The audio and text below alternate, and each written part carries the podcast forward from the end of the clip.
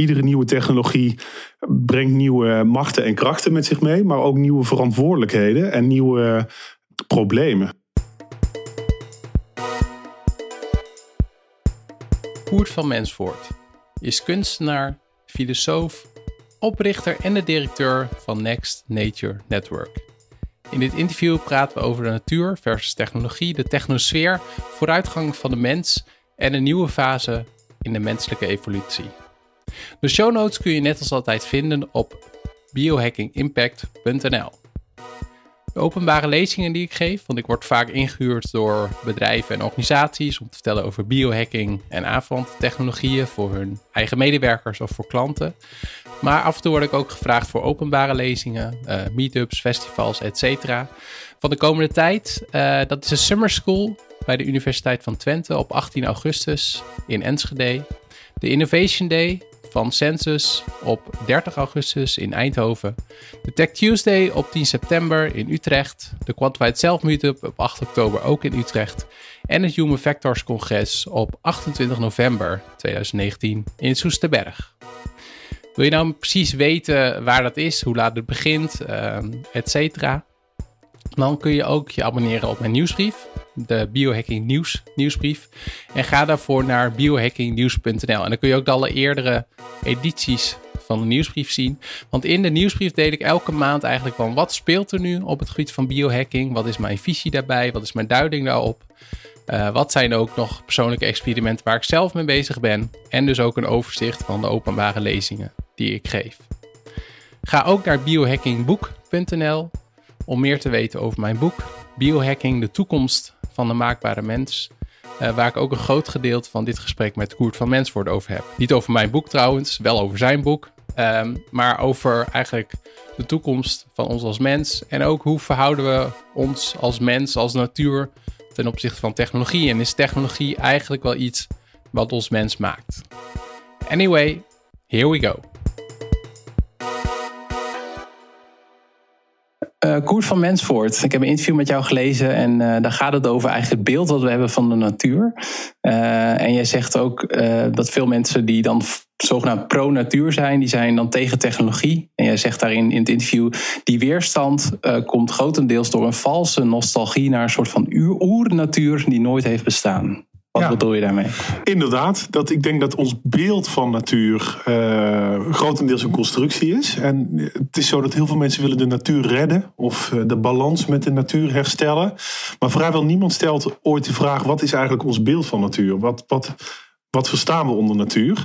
Uh, en er zijn allerlei aannames. En ja, die aannames zijn vaak dat de natuur ooit perfect was, gebalanceerd en harmonisch voordat de mens kwam om alles te uh, te bederven. Dus dat is eigenlijk een statisch beeld van natuur. Mhm. En ik sta meer voor een dynamisch beeld van natuur. Natuur verandert met ons mee. En ja, uh, ja wij, wij mensen, wij transformeren nu de natuur naar een next nature. Ja. Dus daar hou ik me mee bezig. Hoe gaat dat eruit zien? Ja.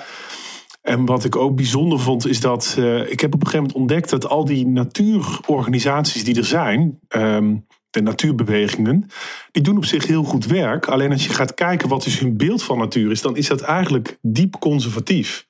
Natuur was vroeger beter mhm. en we moeten terug. Uh, of we moeten het behouden. En ik vind het heel bijzonder dat in de politiek kun je kiezen tussen conservatieve partijen en progressieve partijen. Ja. Maar als je het over natuur hebt, dan is eigenlijk iedereen gewoon conservatief. Dus toen dacht ik van, hé, hey, ik wil daar iets tegenover zetten, namelijk een progressief natuurbeeld. En ook een organisatie die een progressieve omgang met de natuur voorstaat. En dat is een Next Nature Network geworden. Oké, dus Next Nature Network noem je als het want, uh, een progressieve milieubeweging. Ja, ja we zijn uh, open naar de toekomst toe en uh, ook hoopvol. En, en, voorzichtig optimistisch. Van, want ja, dingen zullen veranderen. Er veranderen heel veel nu. Ja. dat is echt een periode van transitie. Ja. Maar in plaats van alleen maar op de rem te gaan staan en terug te willen, willen we kijken van oké, hoe kunnen we nou een pad vinden naar de toekomst waarin die veranderingen ja, er misschien wel voor zorgen dat, dat, uh, dat alles en iedereen een beter leven krijgt? Zou dat ook nog kunnen? Ja, ja.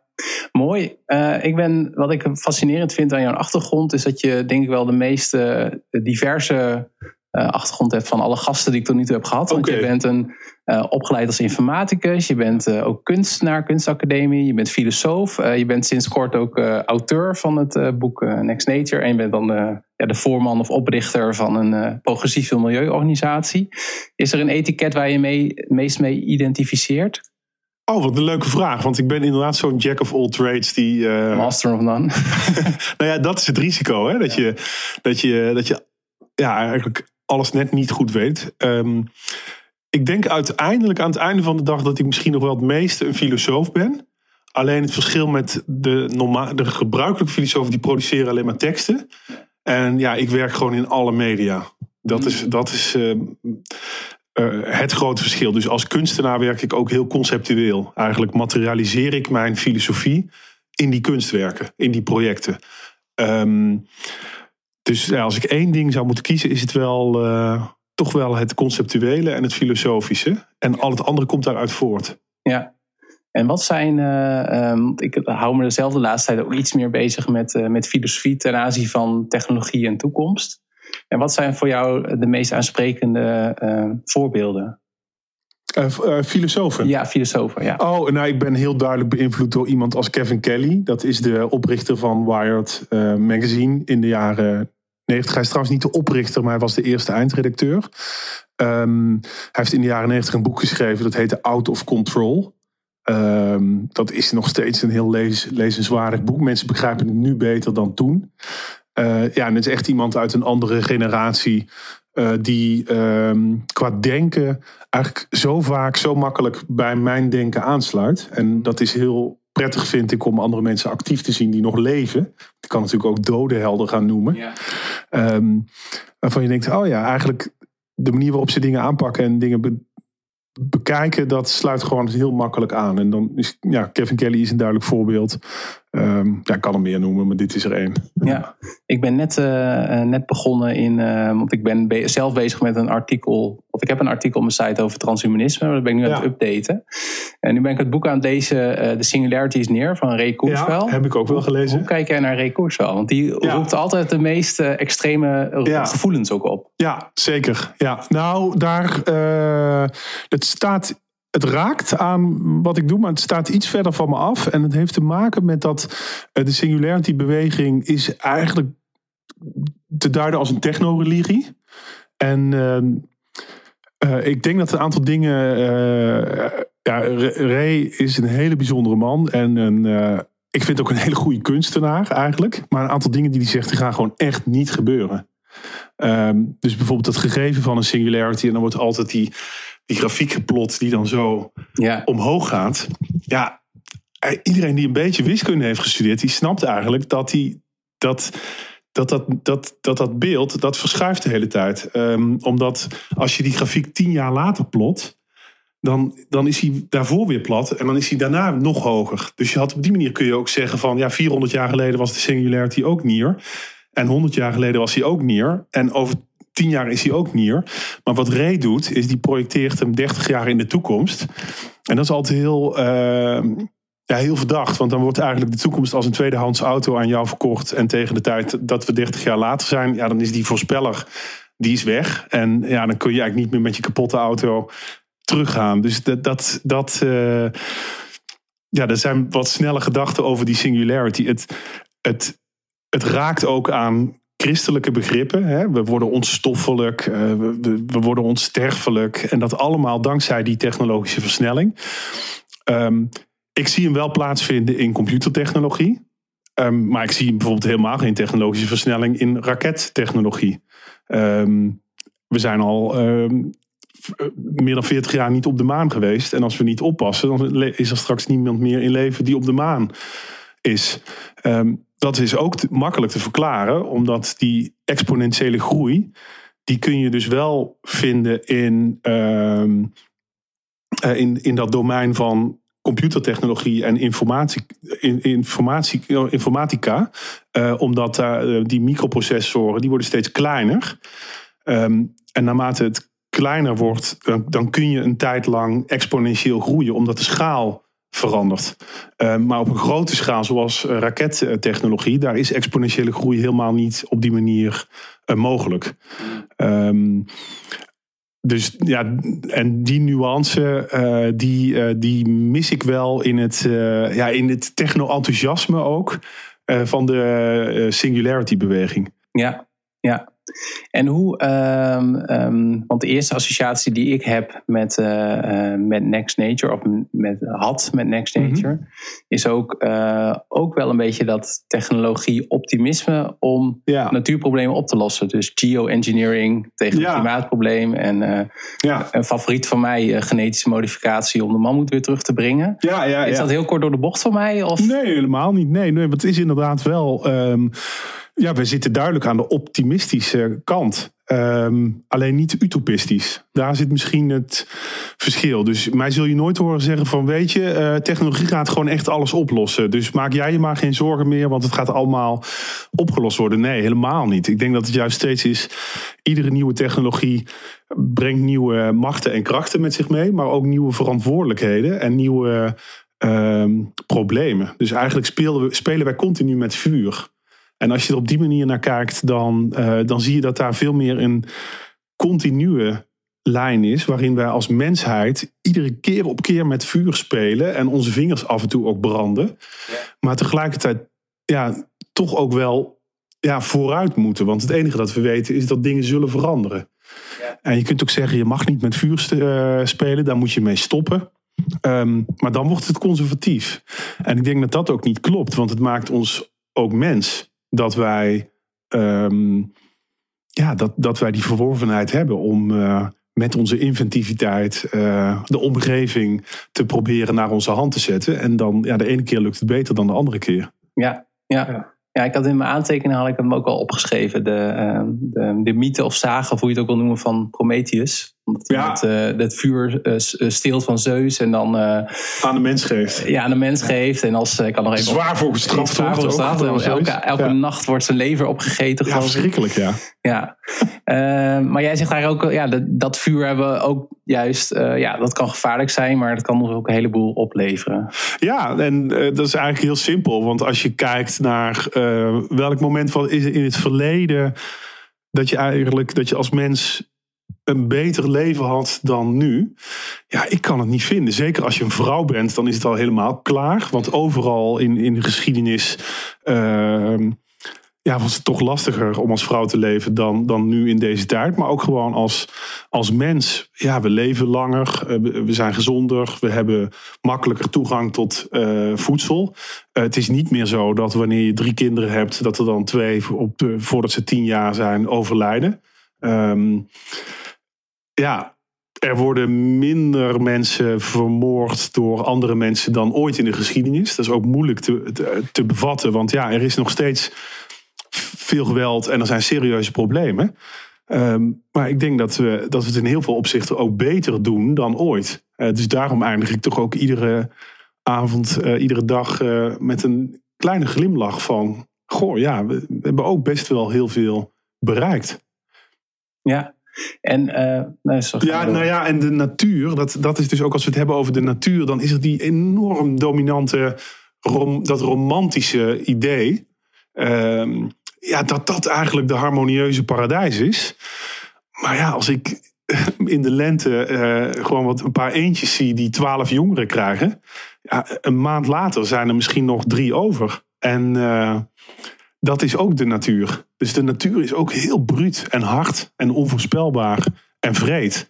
Uh, en, en ja, dankzij technologie hebben we daar ons, ons als mens ook voor een deel van kunnen emanciperen, kunnen vrijmaken. Mm. Uh, de, de, de, ironie is alleen dat nu die technologie zo dominant wordt, dat het de next nature wordt en dat we daar weer uh, ja, ons opnieuw toe moeten gaan verhouden. Ja, verwacht je dan ook dat, uh, laat ik zeggen, over tien generaties of weet ik veel, dat we ook niet meer het onderscheid, dat die, dat die mensen ook niet meer, als we het dan over mensen hebben, maar dan komen we het zo meteen nog op, niet meer het onderscheid maken tussen natuur en cultuur? Of natuur en technologie, maar dat het echt next nature, dat het één is? Ja, dat heb ik, ik, ik denk wel dat uh, het onderscheid tussen natuur en cultuur, ja, dat wordt ook al eeuwen gemaakt en ook op verschillende manieren. Uh, dus bijvoorbeeld de, de Romeinen, die, dat woord natura, dat komt uit het Latijn. En dat heeft, wordt geassocieerd met geboorte. Uh, terwijl de Grieken die hadden het woord psychis, wat meer met groei wordt geassocieerd. Dus daar zat ook al een ander natuurbeeld. En ik denk dat het nu kantelt van dat idee van natuur is oorspronkelijkheid, is uh, alles wat geboren is, wat ontstaan is. Um, naar een beeld van natuur als ja, alles dat, dat een eigen groeipad heeft. Um, en, en daar zie je wel iets veranderen, want dan wordt bijvoorbeeld het financiële systeem, ja, dat groeit ook om ons heen. En gaan we dat dan ook ja, natuurlijk noemen? Of is het een natuurlijke dynamiek van die technologie? Nou, daar zitten we nu denk ik wel echt in een awareness fase. Dat we dat, we dat met z'n allen anders aan het zien zijn. Ja. Um, en daar hebben we nu de term next nature voor. Um, maar het kan, zou me ook niet verbazen als het dat op over 50 jaar dat ons natuurbeeld zo is aangepast. Dat dat hele next nature woord weg kan. Dat dat gewoon een cliché is. Dat iedereen dat snapt. Um, ja, en dan zijn we weer ja. een stapje verder. Ja. ja. Ja. want dat is ook het onderscheid. Volgens mij is dat ook een, een, een raster of een tabel in, in, in het boek eh, wat je dan hebt geschreven. Klopt. Een van de weinige illustraties. met, met, ik weet niet meer, de Assenmeer ging inderdaad van ongecontroleerd naar gecontroleerd. En, ja, uh, ja uh, dan plaats ik geboren tegenover gemaakt. En dat is het oude onderscheid tussen natuur en cultuur. Dus cultuur is wat wij maken. En natuur, dat is geboren. Uh, planten, dieren, het klimaat, het universum. Natuurlijke dingen, die zijn ontstaan. Ja, en ik zeg eigenlijk van dat een deel van die geboren wereld, die zetten we nu zo naar onze hand. Uh, denk aan, uh, nou ja, het begint met een bonsaiboompje, maar wat we nu met um, het modificeren van biologie kunnen, genetische modificatie, uh, CRISPR-Cas-technologie, ook ons menselijk lichaam, zijn we steeds meer in het maakbare, in, de, in, de, in het maakdomein aan het trekken. Um, maar tegelijkertijd ontstaat in dat maakdomein ook weer een bepaalde oncontroleerbaarheid. En dat is inderdaad de as van boven naar beneden gecontroleerd versus ongecontroleerd of autonoom. Um, dus ja, ik zeg eigenlijk van misschien in de 21ste eeuw is het beter om te zeggen van oké, natuur is alles dat autonoom groeit. Ja. Uh, dat zou kunnen werken, maar dan heb je dus wel die gekke situatie dat dan op een gegeven moment het financiële systeem of een. Uh, um, het internet dan Het ook? internet, uh, kunstmatige intelligentie, dat we daar dan ook een bepaalde natuurlijke kwaliteit aan gaan, gaan toedichten. Ja. Terwijl we het zelf hebben gemaakt, maar toch omdat we het niet controleren, omdat er een bepaalde autonome dynamiek in ontstaat, um, ja, gaan we er anders naar kijken en ons anders toe verhouden. Ja, ja. ja dat vind ik ook een concept. Uh, ik heb het boek The In Inevitable. Ik heb altijd moeite om het uit te spreken van Kevin Kelly uh, gelezen. En daarin uh, noemt hij ook het omnium, als ik het goed heb. Of het, nou ja, het concept dat, dat technologie een eigen wil heeft. En ook met het internet dat het zich helemaal ook autonoom vormt. Maar ik vind het nog wel lastig om het te snappen. Wil, ja, jij, wil, jij dat, wil, jij dat, idee nog? Uh, nou ja, uh, ja, bedoel je ook, hij heeft het ook over het technium? Ja, dat bedoel ik eigenlijk, ja. Ja, precies. Ja, dat is wat mij betreft een synoniem voor uh, wat ik technosfeer noem. Mm -hmm. um, ik gebruik liever de woord technosfeer, omdat dat resoneert met biosfeer. Ja. en ik denk, ik zie dat ook duidelijk als een nieuwe sfeer die, die zich ontvouwt op de aarde. En het is de optelsom van alle technologie. Um, en ja, eigenlijk iedereen die, uh, uh, die, die nu naar deze podcast luistert, die kan even om zich heen kijken. En ja, een goede kans dat je eigenlijk meer technosfeer dan biosfeer uh, ziet. Omdat er is zoveel om je heen wat, wat door mensen is gemaakt. Ja. wat, wat, wat eigenlijk voortkomt uit onze technologische um, verworvenheid. Ja. Um, ja, dat is de technosfeer. Maar heb ik nu een vraag beantwoord? Nou, uh, gedeeltelijk. Want uh, het fascinerende aan het idee van, van, die, van de technium uh, had ik ook dat, dat hij beschrijft dat het een eigen wil heeft. Een eigen ja, die wil, ja, dynamiek. Ja. Eigen... Ja, ja, ik vind het woord wil is een lastige. Want dan veronderstel je misschien ook wel een bewustzijn. Ja. Um, en daar weten we echt zo weinig over. Ja. Hè, over hoe dat nou in elkaar steekt. En dus daar, ik loop daar liever omheen. Omdat, omdat je gewoon weet dat daar wordt al eeuwen over gefilosofeerd. Uh, en we, we, zijn daar niet uit. Dus dat, dat woord wil vind ik lastig. Ik praat liever over het heeft een uh, natuurlijke dynamiek. En, of er zit een bepaalde autonome dynamiek. Er gebeuren dingen die wij niet hebben bedacht. Ehm, dus die in ieder geval niet per se onze wil zijn. Nee.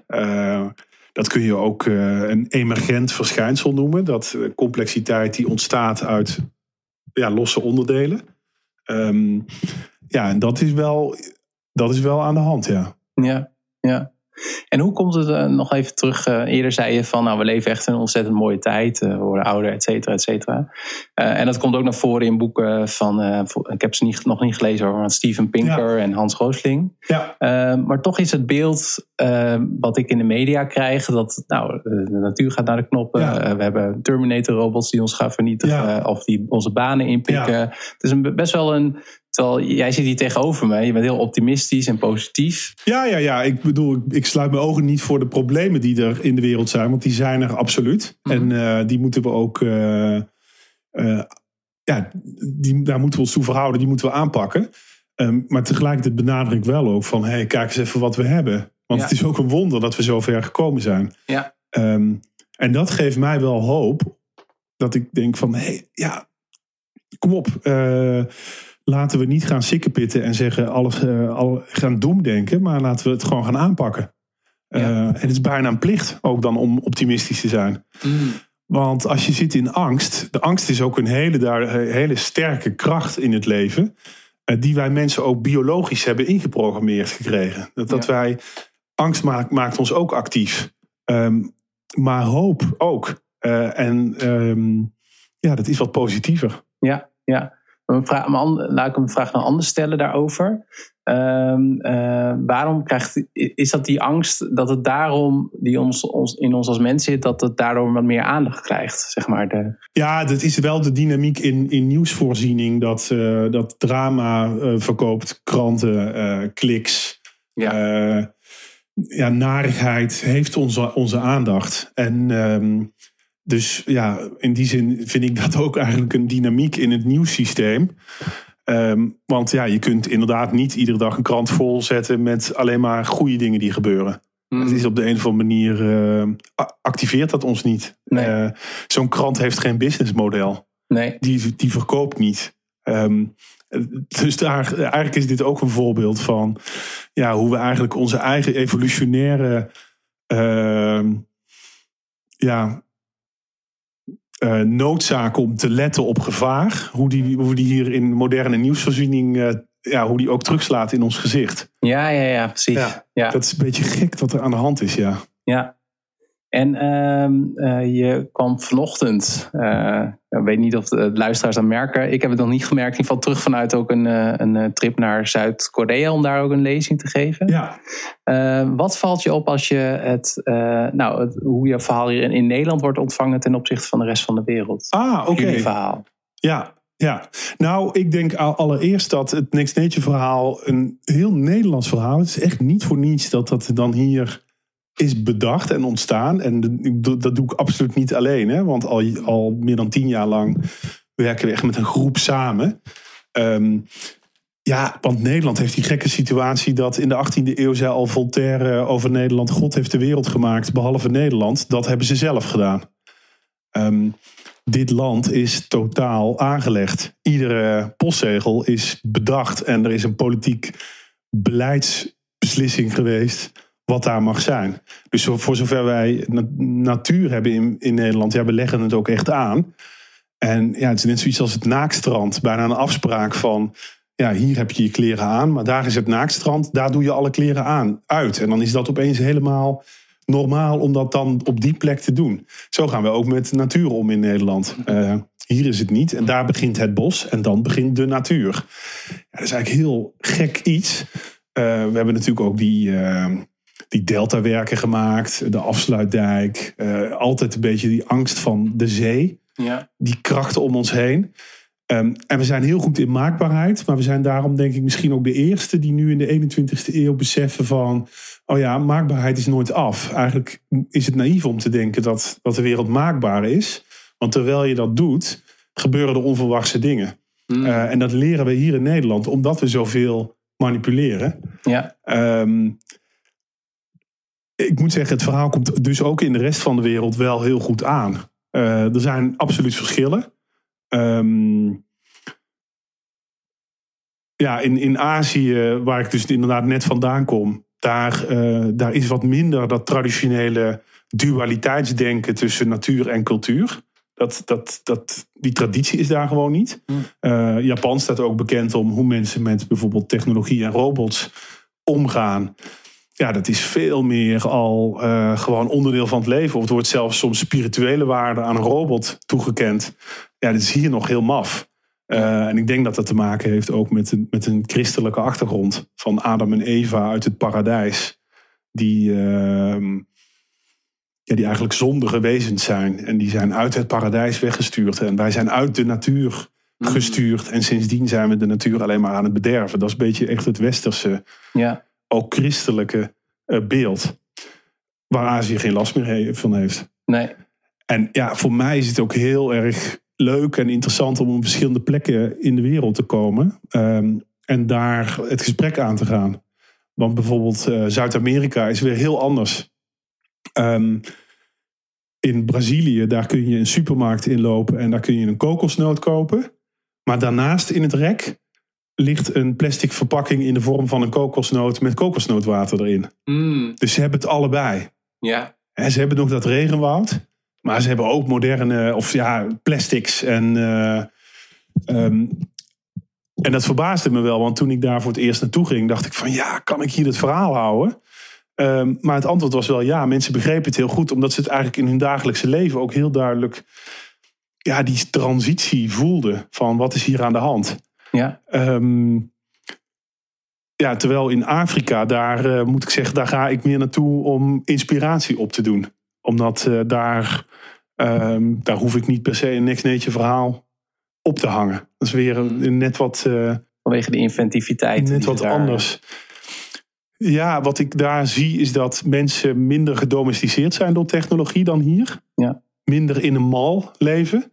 Uh, ook omdat er nog meer ja, dingen gebeuren. Um, ja, als je zoiets als dat je broertje overlijdt aan een ziekte waarvan wij denken van, maar daar hoef je toch echt niet meer aan te overlijden in 2019. Ja, het gebeurt dan dus nog wel.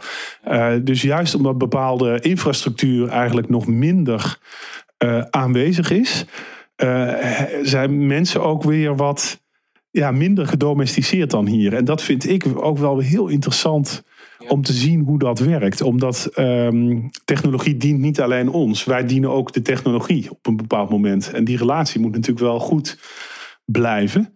En daar kunnen we ontzettend veel leren van, uh, van mensen ja, in Afrika. Ja, ja, ik ben wel geïnteresseerd in, in, in, in, in dit thema. Want ik wil je dan ook nog twee andere vragen stellen. Ja. Van, hoe, hoe, hoe zit, zit dat in Amerika? Want, uh, nu Ja. het, het, ik ga zo meteen nog naar de nieuwe Ja. wereldmacht vragen. Maar Amerika, is dat dan ook heel erg kapitalistisch geënt? Want Ze Ja. hebben natuurlijk ook fantastische natuurgebieden daar nog. Ja, zeker. Ik denk wat dat betreft vind ik Amerika ook wel. Ja, het is wat anders dan hier. In Amerika hebben ze niet. eh, dat, dat land is niet helemaal aangeharkt, zoals Nederland. Ehm, maar verder, het next nature denken eh, sluit echt wel aan, omdat mensen ook. Ja, die, die technologie en die gemedieerdheid ook heel duidelijk ja, om zich heen voelen. Eh, en dan zijn er in Amerika ook nog treurige voorbeelden. Dat er gebieden zijn ja, waar je gewoon alleen maar geprocessed voedsel kunt krijgen. En een appel kun je gewoon niet kopen. En ja, dat is. Aan de ene kant is het ook next nature, maar het is niet de next nature die we willen. Ehm, ja, en, en, en eh, mensen eh, rijden ook eh, in een weekend een berggebied in waar, je nog echt, waar het nog echt gevaarlijk is. Hè, waar je echt, als je niet genoeg water meebrengt en je auto gaat stuk, ja, dan in Death Valley, dan heb je echt een serieus probleem. Ehm, dus, dus dat is ook weer net wat anders dan ja, in Nederland. Nou ja, in een bos, je kunt nog even verdwalen. Maar echt overlijden in een bos, dat is echt. dat is, ja, ik, veel succes. Moet je echt je, moet je best voor doen hier. Hmm. En China, dat is eigenlijk de, de, eh, waarvan ik ook lees. Dus aan de ene kant eh, natuurlijk een enorme impact ook al op het milieu. Maar aan de andere kant Ja. ook al enorme programma's en initiatieven vanuit eh, overheden. Om daar ook, daarin ook op sommige terreinen ook wel weer juist voorloper te zijn. ja, ja, China is heel interessant. En daar, dingen veranderen daar zo ontzettend snel. Want toen ik er voor de eerste keer kwam, was volgens mij in 2007. Toen had ik het gevoel, mijn verhaal is hier eigenlijk niet relevant. Ehm, want hier, ja, dit, werkt hier zo anders. Ehm, maar goed, ja, in tien jaar tijd is het land zo enorm veranderd. Als je kijkt naar uh, zoiets als het social credit systeem, dat ze daar nu heel hard aan het invoeren zijn. Dat, uh, dat iedere burger heeft ja, een social credit number en wordt gewoon continu gemonitord met technologie. Um, om te kijken ja, wat jouw burgerschap, of je een goede score hebt. En dat opent dan deuren of het sluit deuren. Nou ja, als je het hebt over co-evolutie met technologie en samenleven met technologie, dan, dan is dat daar echt op uh, scherp van de snede aan de hand. Um, en het is een toch ook centraal geleid land, waarin ze er ja, ook mee wegkomen om bepaalde dingen te doen die, die in Amerika niet zomaar zouden kunnen, die in Europa ook zeker niet zouden kunnen. Dus daar staan, ja, daar staan nu wel verschillende werelden weer uh, tegenover elkaar. Die worden uitgeprobeerd. Ja, ja. En um, een concept waar ik persoonlijk heel geïnteresseerd in ben, en het uh, komt ook naar voren in jouw boek, ja. is eigenlijk Next Nature, maar eigenlijk zou je zo kunnen zeggen Next Human. Ja. Um, nou, we kunnen weer ja. teruggrijpen op, uh, op Ray Kurzweil. Die zegt van we gaan helemaal vermengen met, uh, met technologie. Mm -hmm, ja. zie je ook zo'n scenario los van een uh, aantal jaren voor je? Ja. ja, ik schets in het boek ook het scenario dat. Um, nou, we, leven natuurlijk al met technologie. Hè, want nu, we denken dan vaak aan, oh, dan heb ik een implant, implantaat in mijn hoofd en dan ben ik vermengd met technologie. Maar je hebt helemaal geen implantaat nodig. Ga maar gewoon een week leven zonder je mobiele telefoon. Ja, eh, hoe ga je met je familie communiceren? Uh, kun je je werk nog uitvoeren? Als ik mijn huis verlaat zonder mijn mobiele telefoon, eh, voelt het alsof ik een lichaamsdeel op tafel heb laten liggen. Ik ben al vergroeid met dat apparaat. Het zit niet in mijn lichaam, maar het is zo vervlochten met mijn levensstijl en identiteit. Eh, dat je al kunt zeggen van hier is een co-evolutie tussen mens en technologie uh, gaande. Dus dat is nu al zo. En dat is ook niet nieuw. Dat is in het verleden. Zijn er ook momenten aan te wijzen uh, denk bijvoorbeeld aan het feit dat we ooit met landbouw zijn begonnen. Dat was 10.000 jaar geleden de biotechnologie van die tijd. Mm. Um, en het was ook een, het was een radicale ingreep in de natuurlijke omgeving. Uh, die op dit, dat moment heel veel impact heeft. En ook heeft veranderd hoe wij mensen leven. Niet meer uh, als jager-verzamelaar. Een beetje plukken en een beetje jagen. Uh, maar nee, in dorpjes, stilzitten, verdeling van arbeid, andere rollen. Um, dus die uitvinding die heeft al veranderd wie wij zijn als mensen. Ik kan zelf niet jagen, ik kan niet mijn eigen voedsel vergaren. Dat, maar dat hoeft ook niet, want ik leef in een stad waarin dat voor mij geregeld is. Maar daar ben ik ook mee afhankelijk en dan verlies ik ook iets van de autonomie. En wat ik in het boek in naar de toekomst schets, is dat ik. Uh, daar heb ik het op een gegeven moment ook over superorganismes en memetische organismes. En daar is eigenlijk de gedachte dat wij niet zozeer worden vervangen door robots of samenvloeien met robots, maar dat de robot om ons heen groeit. Mm. Uh, dat, dat, er, um, ja, dat er een nieuw evolutionair niveau ontstaat, een superorganisme, waarin wij mensen uh, zijn opgenomen. En dat is net zoiets als dat ons lichaam bestaat uit cellen. En wij zijn meercellige organismes. Ja, wie is nou het, eigenlijk het dominante organisme? Die cel of, of, of die, de, de mens? Um, daar zit een getraptheid in. Ja. Um, en dat bestudeer ik ook in het boek, hoe, hoe eigenlijk op die manier evolutie steeds nieuwe complexiteitsniveaus uh, bereikt. Ja, dat begint al met ja, van atomen naar moleculen, uh, van moleculen naar cellen, van cellen naar meercelligen. Ja, en nu is het what's next. Mm. Uh, en ik denk dat er zijn naar de toekomst toe eigenlijk maar twee scenario's mogelijk. Ofwel de mensheid sterft uit, uh, of de mens wordt ingekapseld in een grotere organisme, een, een, grotere structuur. En dat uh, zal een organisme zijn dat is niet op genen en DNA gebaseerd, maar op ja, informatieuitwisseling, dus memen in plaats van genen. En dat noem ik dan een memetisch organisme. En volgens kun je nu om je heen kijken, waar zien we dat al? Want we zitten nu misschien in een tijd waarin net als dat uh, miljarden jaren geleden ontstond ooit die eerste cel. Was een enorm wonder. Dat, dat moleculen gingen zich vormen in een cel die zichzelf niet alleen in stand kon houden, maar ook kon kopiëren. En daarom evolutionair ook succesvol was. ja, zitten we nu in een tijd waarin een memetisch organisme zich ontvouwt. Vraagteken. Uh, hoe zien we dat dan? Dat probeer ik te agenderen uh, in het boek. Omdat ik wel denk dat dat aan de hand is of er aan zit te komen. Ja, ja. ja interessant. Dat triggert bij mij... Uh, ik had dan net het boek van Stephen Hawking uitgelezen, de antwoorden op de grote vragen. Mm -hmm. En die laten eigenlijk ook dit is ook een beetje voor mezelf dat ik dit ja, doe, maar ook uh, inderdaad die evolutie van, uh, van DNA, voordat je dan ook uh, mutaties hebt, gaat het ook over generaties. En nu ja. zitten we daardoor informatietechnologie, kunnen veel sneller eigenlijk ja. die mutaties aanbrengen en evolueren, et cetera. Ja. Maar het van inderdaad van genen naar memen, dat is wel een fascinerend concept. Ja. Ja. Ja. En uh, um, ik vind het heel fascinerend, dat zei ik net, maar ook en tof. Maar ik kan me toch voorstellen, want er zit ja. ergens, zeg maar, merk ik ook wel nekhaartjes ja, die okay. inderdaad zo voelen van. Ja. Hmm, ja. ja. moet dit nou allemaal? Ja. ja, ja, ja, nee, natuurlijk, maar dat heb ik zelf ook. Um, want, um, maar goed, ja, als, als filosoof kun je soms dingen zien van, hey, kunnen we er zo naar kijken?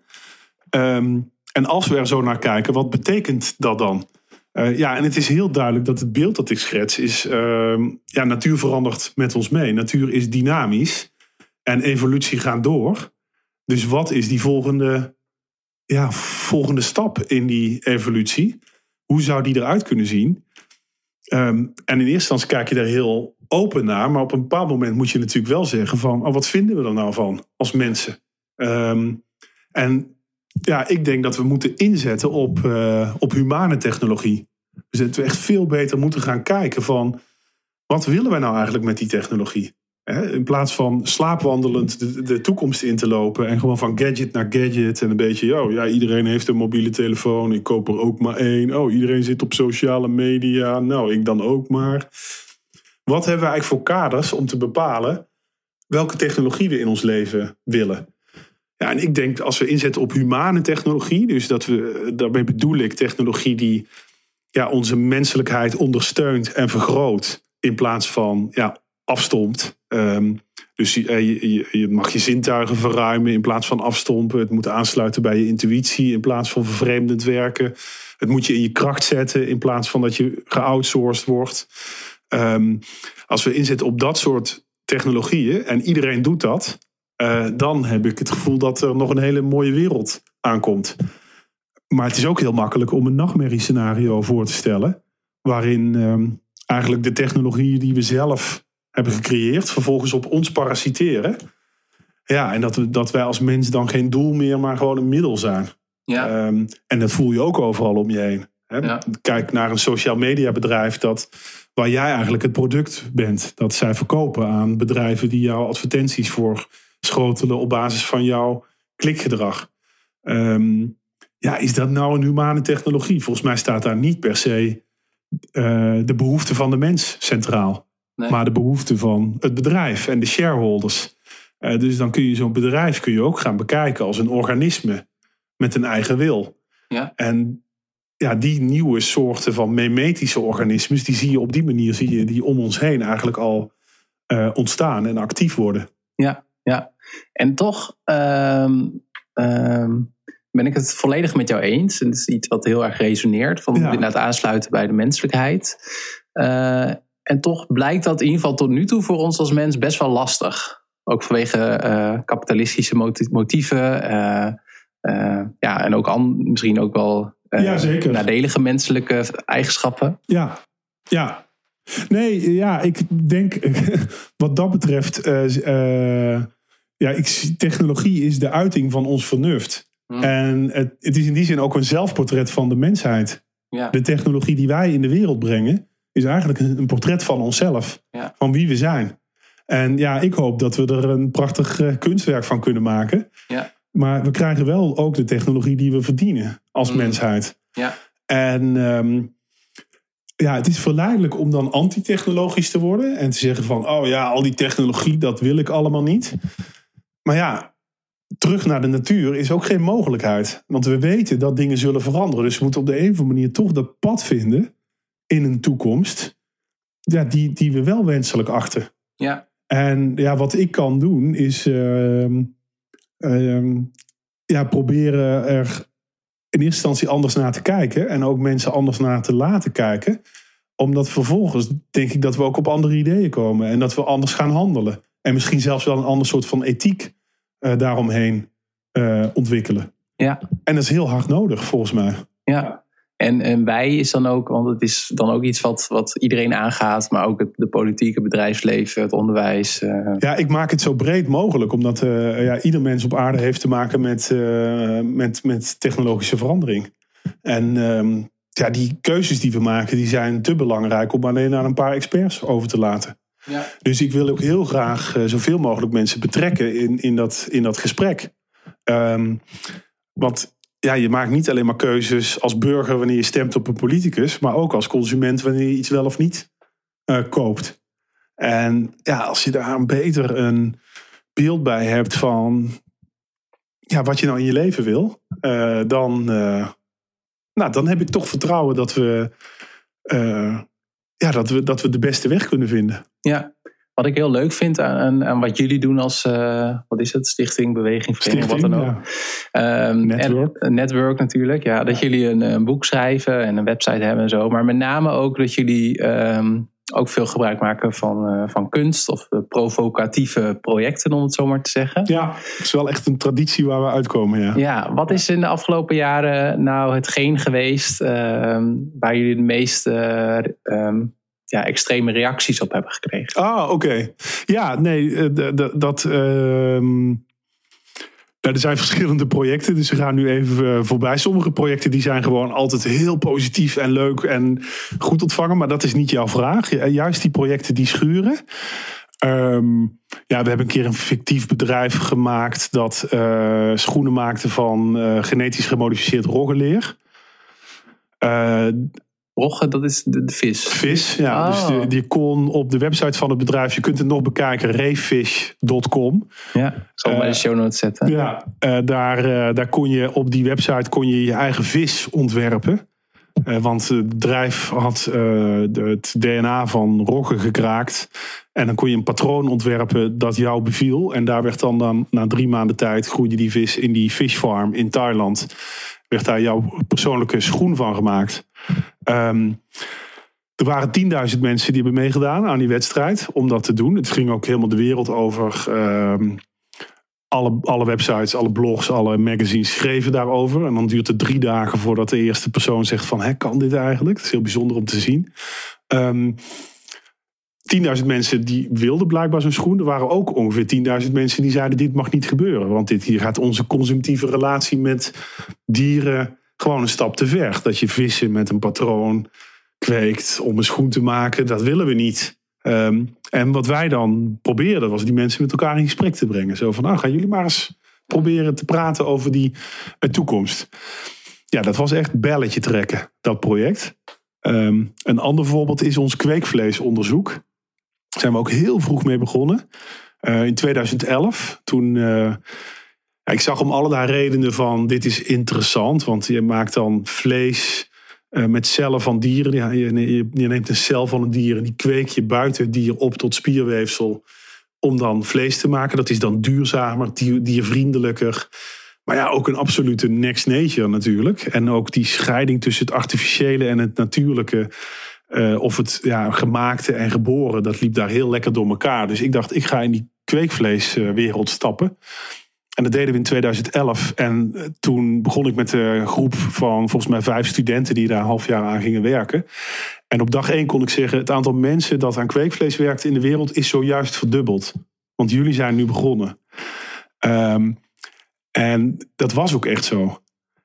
Ja, nu is het een aantal jaren later en er zijn gewoon een paar bedrijven met miljoenen investeringen die keihard bezig zijn om dit op de markt te brengen. En ik heb ook gezien in de maatschappij de verandering van kweekvlees. Dan ga ik dus echt niet eten. Waar heb je het over? Ben je helemaal gek geworden? Gadverdamme. Naar mensen zeggen kweekvlees. Ja, daar moeten we het over hebben. Nou, oh ja, maar, oh, dus wat, vlees is eigenlijk heel niet duurzaam. Uh, ja, natuurlijk, je kunt ook vegetariër worden. Maar als dit dan duurzamer en diervriendelijker is, dan is dit misschien wel, wel interessant. En we zijn er nog steeds niet uit. Het is ook nog niet op de markt. Maar je ziet daar wel dat dankzij dat soort door zo'n project te doen. Dus wij maakten het eerste kweekvleeskookboek, waar je nog helemaal niet uit kon koken. Ehm, ja, ontstaat het in onze verbeelding. En krijgen we toch meer grip op van wat, wat is dit dan? En ja, over tien jaar kunnen we elkaar weer spreken. En dan zal blijken of het wel of niet is gelukt. Maar je ziet daar wel heel duidelijk uh, ja, hoe zo'n nieuwe technologie eigenlijk ook in een samenleving en in ons collectieve bewustzijn ja. nestelt en landt. Ja. En daar proberen we ook echt een begeleidende rol in te spelen. Hè, op een positieve manier. Dus uh, niet per se om mensen te provoceren, zeker niet om ze boos te maken. Want dan gaan de luiken dicht als mensen boos worden. Maar wel om te prikkelen van, hey, what if? Is dit, uh, wat vind je ervan? En, uh, en, en dan het gesprek aan te gaan. Ja, ja. ja. wat ik ook wel interessant vond is dat, dat je stelt van, we moeten het ook niet een kweekburger noemen, of liever niet. Dan concurreert het met wat het nu is. Maar eigenlijk moet je het al helemaal eh, het kan ook veel beter zijn en veel lekkerder. Het moet een eigen authenticiteit verwerven. In plaats van dat het een kopie is van iets dat we al kennen. Nieuwe technologie brengt ons nieuwe producten, uh, nieuwe levensstijlen, uh, ja, hele nieuwe werelden. Ik vergelijk het ook wel met de eerste auto, werd een horseless carriage genoemd. De paardloze wagen. Mensen wisten niet wat een auto was. Wel wat een paard en een wagen was. En mensen wisten ook niet dat die auto uh, dat het een fileprobleem zou opleveren. Uh, dat je een rijbewijs moest halen. Uh, veiligheidsgordels. Dat we een olie uit het Midden-Oosten moesten gaan halen. om die auto's allemaal van brandstof te voorzien. Niemand had dat voorzien. Dat was gewoon de paardloze wagen. Mensen voorzagen wel dat als we met de paard en wagen door zouden gaan dan was berekend dat in 1930 of 1950 zou de stront van die paarden zou 50 centimeter hoog in de straten liggen. dus dan moest iets gebeuren. Ja. Uh, en ja, dit zie je keer op keer. Uh, dat uh, ja, nieuwe technologie in ons leven komt. En ja, het enige dat we echt weten over de toekomst is dat dingen zullen veranderen. Ja. En ik denk dat het dan heel erg helpt om die verbeelding al aan de gang te zetten. En ook het gesprek al aan te jagen voordat het er is. Uh, zodat we beter grip hebben uh, op het moment dat het er echt komt. Ja, ja. dan stemmen eigenlijk wel weer dat die anekdote ook al een beetje optimistisch. Van, uh, met alle problematiek die we hebben, de plastic soep en de klimaatcrisis en overconsumptie. Zou ook, ja, het is misschien, dat is ook, daar kunnen we hele, weer een heel uur over praten. Maar zou dus ook de oplossing ook weer in een technologie kunnen zitten die wij op dit moment nog niet kunnen voorzien? Ja, nee, dat, ja, je mag het daar niet naar afschuiven. Zo van, er is geen probleem, want het wordt in de toekomst wel, wel opgelost. Um, maar dit is wel, tegelijkertijd is het wel af en toe hoe het werkt. Ja, dat, uh, ja bijvoorbeeld rondom dat plastic. Nu is het super charmant dat we uh, zo'n Ocean Cleanup project hebben waar uh, iedereen geld aan doneert, inclusief ikzelf. Van kom op Bojan, jij, uh, dat is zo'n jonge ondernemer, Bojan ja. Slat, die, moet dat, die, gaat dat, die heeft zich helemaal erop gegooid om de plastic uit de oceaan te vissen. Um, blijkt dan ook heel moeilijk te zijn. Ja, er kunnen ook hele andere dingen gebeuren. Misschien gaan er microben evolueren die gewoon plastic kunnen eten. Um, ja, dan krijg je dus een nieuw leven in de oceaan waarin plastic een voedingsstof is voor een nieuw micro-organisme.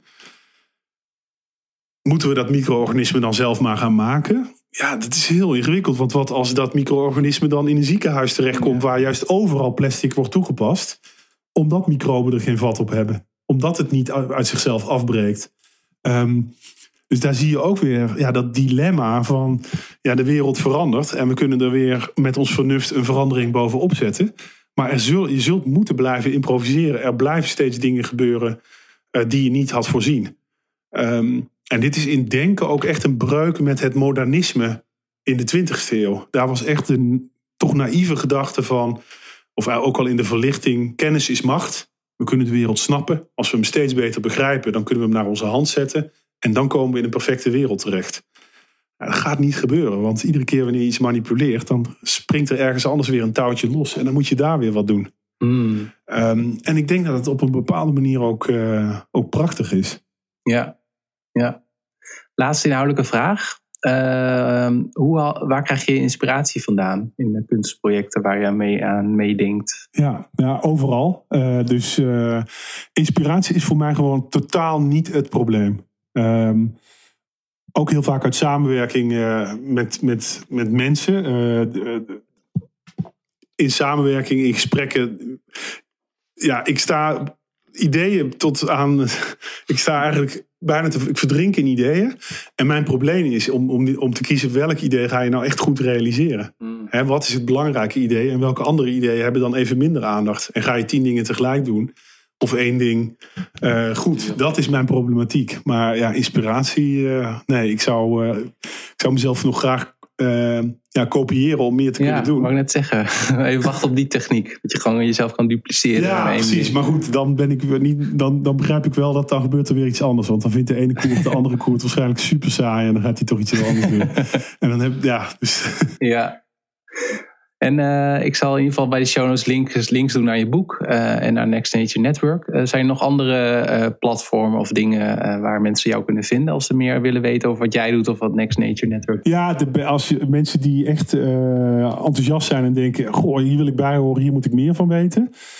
Je kunt je dus aansluiten bij het Next Nature Network. Dat kost 25 euro per jaar. Dan sturen we sowieso sturen we je ieder jaar ook iets op wat ongeveer die waarde heeft. Um, en dan ben je wat dichter, proberen we je onderdeel te maken uh, van, het, uh, ja, van dit gesprek. Ehm, en ja, het netwerk is ook aan het groeien. We hebben nu leden in meer dan 40 landen.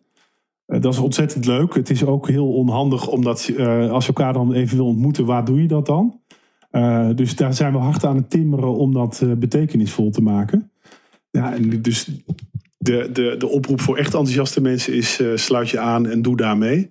En alle andere mensen eh, probeer in je eigen leven gewoon ook goed na te kijken van na te denken welke technologieën uh, laat ik wel of niet toe. En uh, ik zou kiezen voor de technologieën waarvan je denkt, ja, dit voegt iets toe aan mijn menselijkheid. En als het alleen maar wegneemt, dan, dan kun je het beter, uh, beter negeren en overslaan. Mooie afsluiting, dankjewel. Jij bedankt.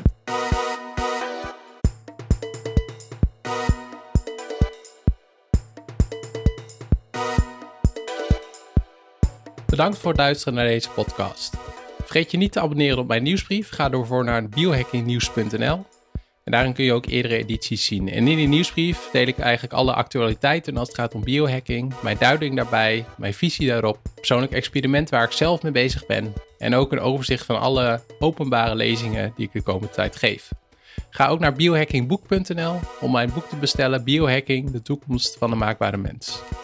Tot slot, mijn vraag voor jou voor deze keer is: hoe kijk jij naar dit gesprek nu naar de natuur en technologie?